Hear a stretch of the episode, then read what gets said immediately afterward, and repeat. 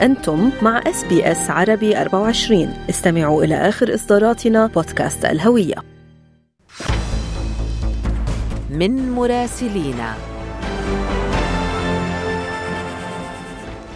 أهلا بكم في رحلتنا الأسبوعية إلى نيويورك. أنا بترا طوق الهندي. وأنا فارس حسن وينضم إلينا الآن على الهواء مباشرة مراسلنا هناك محمد السطوحي. أهلا بك محمد. نعلم أن إدارة بايدن كانت قد أوفدت مدير وكالة الاستخبارات المركزية اي مايكل بيرنز إلى القاهرة للتفاوض بشأن صفقة جديدة لوقف مؤقت لإطلاق النار وتبادل المحتجزين. بعد ذلك ظهرت تقارير من داخل إسرائيل تقول أن الوفد الإسرائيلي ذهب للاستماع فقط يعني دون أن يقدم أي ردود إلى أين ترى يعني التقدم المحتمل في صفقة تبادل الاسرى وتهدئة الوضع في القطاع؟ هو طبعا كما تابعتم فارس الرئيس الأمريكي ذكر أكثر من مرة أنه الأولوية لديه هي التوصل إلى اتفاق من أجل هدنة أو وقف مؤقت لإطلاق النار من الممكن أن يتم من خلاله التباحث فيما بعد لمد هذه الهدنة وإنه الهدف هو الإفراج عن المحتجزين لدى حماس وطبعا هناك مقابل بالإفراج عن فلسطينيين. ما ذكر في التسريبات الأمريكية إنه قضية عدد من تفرج عنهم إسرائيل كانت هي العقبة الأكبر بالنسبة للوصول إلى اتفاق. نتنياهو عرض ثلاثة فقط مثل الاتفاق السابق. حماس رفضت ذلك بقوة. كان هناك مكالمة هاتفية بين الرئيس بايدن ونتنياهو يوم الأحد الماضي.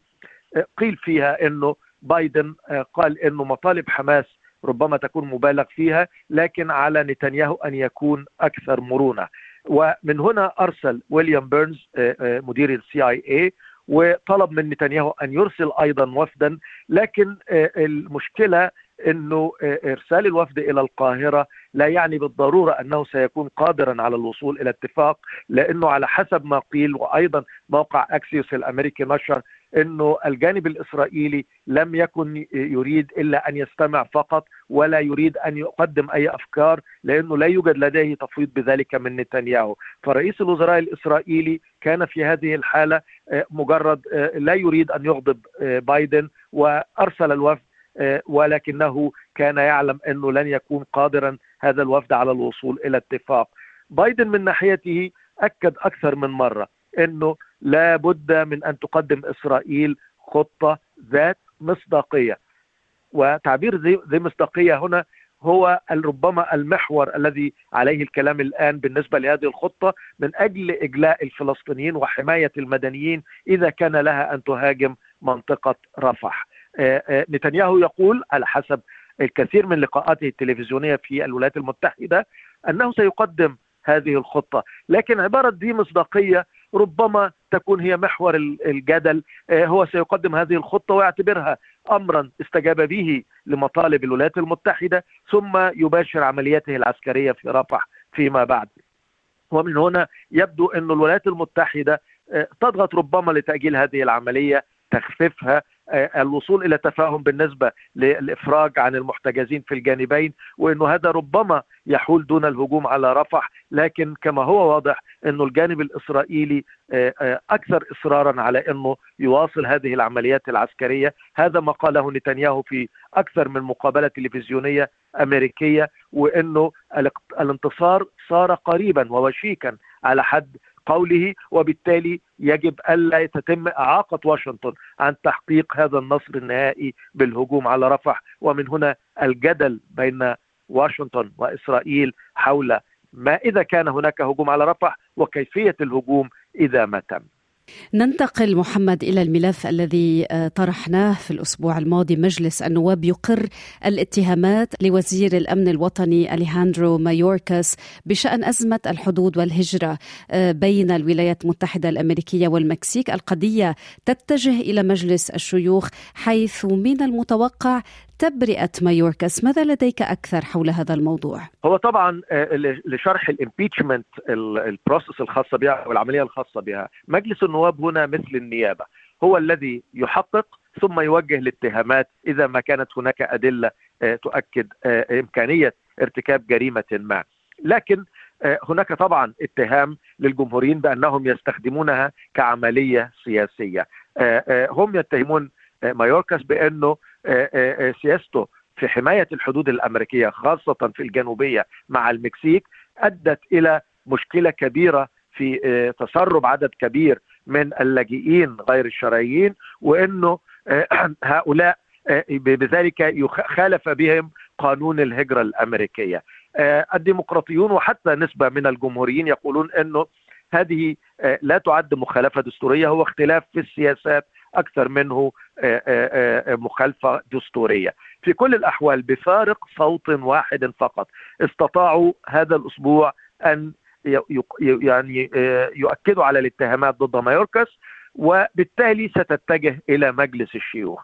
في هذه الحالة هناك أغلبية ديمقراطية وبالتالي سوف تكون هناك صعوبة كبيرة جدا في تمرير هذه الاتهامات بالتأكيد لن يفقد وظيفته كوزير للأمن الوطني بالتأكيد الديمقراطيون سوف يسندونه وهناك أيضا ربما عدد من السيناتورز الجمهوريين الذين عبروا عن خشيتهم إنه هذه الاتهامات ربما لا تكون ذات مصداقية. فالسؤال الآن هو متى تتم المحاكمة وما إذا كانت ستتم. وفي هذه الحالة بالتأكيد سوف يحصل مايوركاس على الأصوات التي يريدها لكن سيظل اسم مايوركاس باعتباره أول وزير أمريكي يتعرض لل impeachment على مدى أكثر من 150 سنة. نعم محمد دعنا نختم هذه الرسالة الأسبوعية بالحديث عن السباق على ترشيح الحزب الجمهوري الرئيس السابق دونالد ترامب يتوجه إلى ساوث كارولاينا تشن منافسته المتبقية نيكي هيلي أقوى حملاتها وهي بالطبع يعني ولايتها كانت ال governor أو حاكمة ساوث كارولاينا. هل تتوقع مفاجآت أم أنه يعني تبقى الولاية يعني تميل إلى كفة أو ترجح كفة نيكي هيلي؟ نيكي هيلي حققت 43% من الأصوات في ولاية نيو هامشير. هذا كان أفضل نسبة تحققها وبالتالي اعتبرت إن هذا مؤشر على إنه هي قادرة على أن تواصل حملتها الانتخابية، لكن كما رأينا الأسبوع الماضي خسرت بشكل محرج جدا لخانة لا أحد في بطاقة الانتخابات لأنه بايدن اسمه لم يكن موجودا. فكان هذا مثيرا للكثير من السخرية بالنسبة لها. هي تريد الآن أن تحقق وقفة قوية في ولاية ساوث كارولاينا لأنها كما ذكرت كانت حاكمة للولاية. لكن المشكلة أنه أغلب الاستطلاعات تشير إلى تأخرها بحوالي 30% من الأصوات. هذه فجوة هائلة من الصعب جدا أنها تغلق هذه الفجوة خلال حوالي عشرة أيام متبقية.